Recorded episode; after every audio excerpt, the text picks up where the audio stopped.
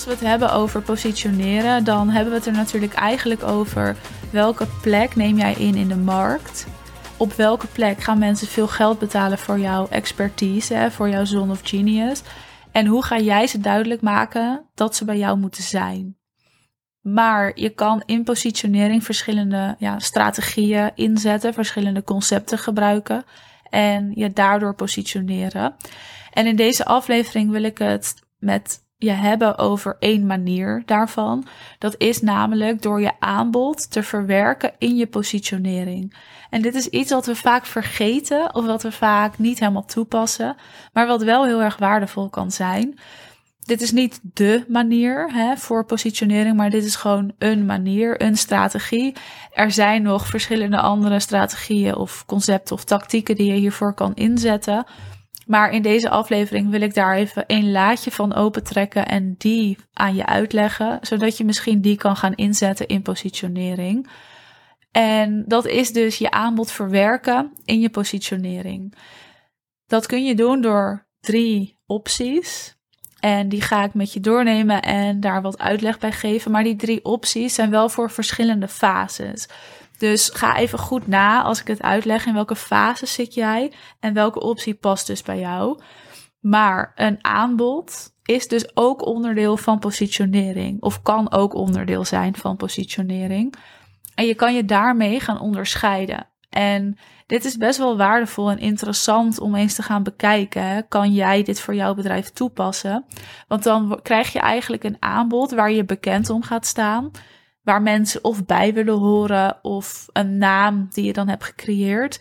En dan wordt je aanbod soms een beetje een merk op zichzelf.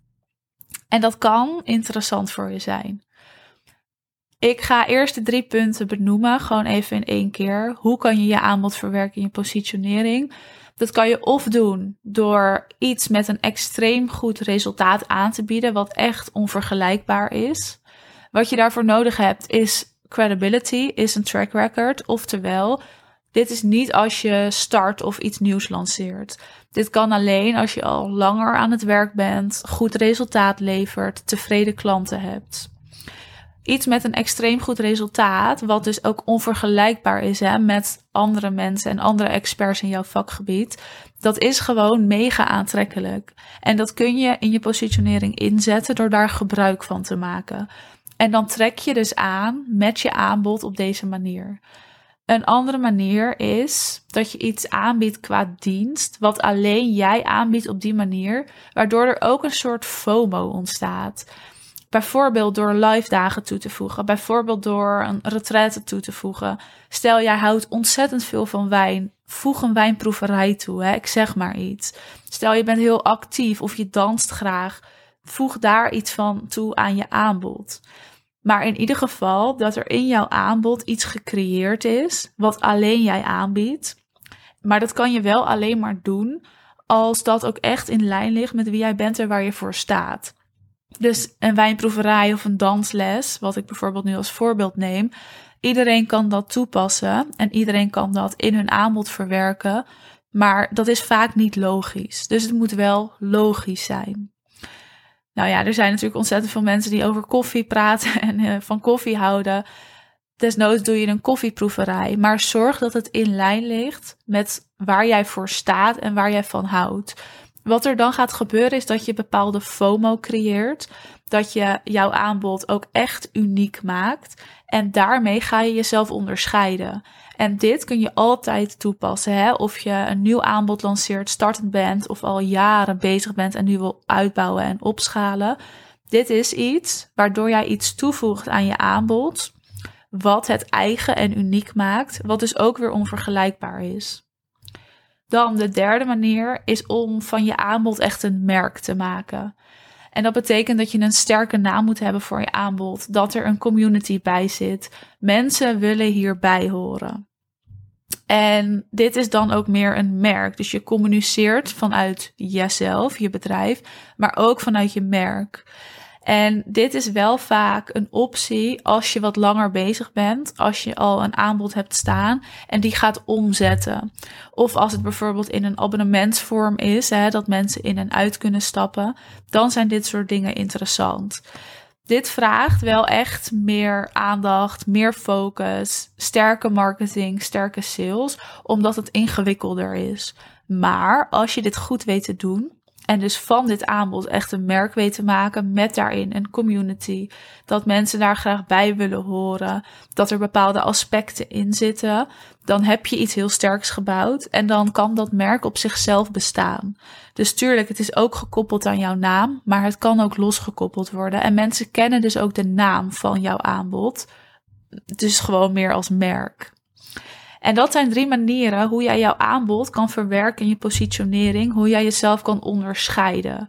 Dus of dat je iets extreems goeds aanbiedt met een bepaald resultaat wat onvergelijkbaar is, dan kun je je track record, je credibility gaan inzetten in je positionering. Daar kun je namen aan koppelen, daar kun je content over maken. En dit moet je dus wel weer strategisch en slim gaan inzetten. Of je gaat qua dienst iets aanbieden wat alleen jij aanbiedt op deze manier. Waardoor er dus een soort FOMO ontstaat. Waardoor er heel veel eigenheid ontstaat. Dat er echt een stukje persoonlijkheid in jouw aanbod is verwerkt.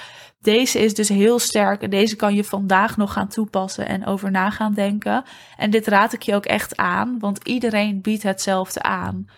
Hoe ga jij je onderscheiden? Ja, dit is echt een van de simpelste manieren wat nog vrij weinig ondernemers doen. Of als laat van je aanbod een merk maken. En dit raad ik je aan als je al langer bezig bent. Als je dus ook alweer die credibility hebt. Dat je daarna je aanbod, bijvoorbeeld je programma, gaat koppelen aan een sterke naam, aan een community. En ook hier ontstaat dan een soort FOMO. Mensen stappen dan in voor jou, maar ook voor wat daar allemaal bij zit. En dit is natuurlijk interessant en ik hoop dat je hier iets mee gaat doen.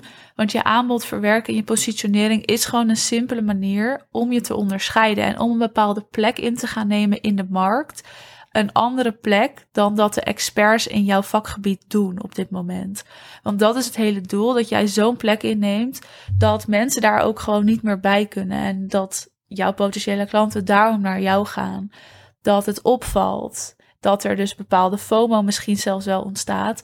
Maar dat mensen gewoon een beetje een kriebeltje bij jou krijgen. Hè? Dat ze denken, wauw, dat is tof. Met haar moet ik werken. En dat is het hele doel van positioneren. En nogmaals, dit is niet de manier of de enige manier of de juiste manier van positioneren. Dit is gewoon een van de manieren die je kan inzetten. Hè? Je aanbod verwerken. En ik zei het al, dit is gewoon zo'n laadje die ik even voor je wou opentrekken in deze aflevering. Er is nog veel meer mogelijk. Dus als je denkt, nou, dit is misschien niet mijn manier. Dat kan. Dan mag je me altijd een DM sturen. Dan kunnen we het daar eens over hebben. Wat is dan jouw manier en welke strategie in die positionering ga jij dan gebruiken en inzetten? Een andere optie is natuurlijk om naar All About Strategy Live te komen. Daar gaan we het uitgebreid hebben over positionering en gaan we ook concreet jouw positioneringsstrategie opschrijven. Je krijgt van mij daar ook een template voor. Dus wil je daarbij zijn en wil je dus echt in drie uur naar een winstgevender bedrijf, haal dan je ticket. Dan gaan we het daarover hebben. 13 juni van ongeveer 10 tot 3 duurt het. Midden-Nederland. En dan duiken we echt in de strategieën. Wat is er nodig om winstgevend te zijn, om aan te trekken en om te converteren. Dus je bent van harte welkom en een link staat in de beschrijving van deze aflevering.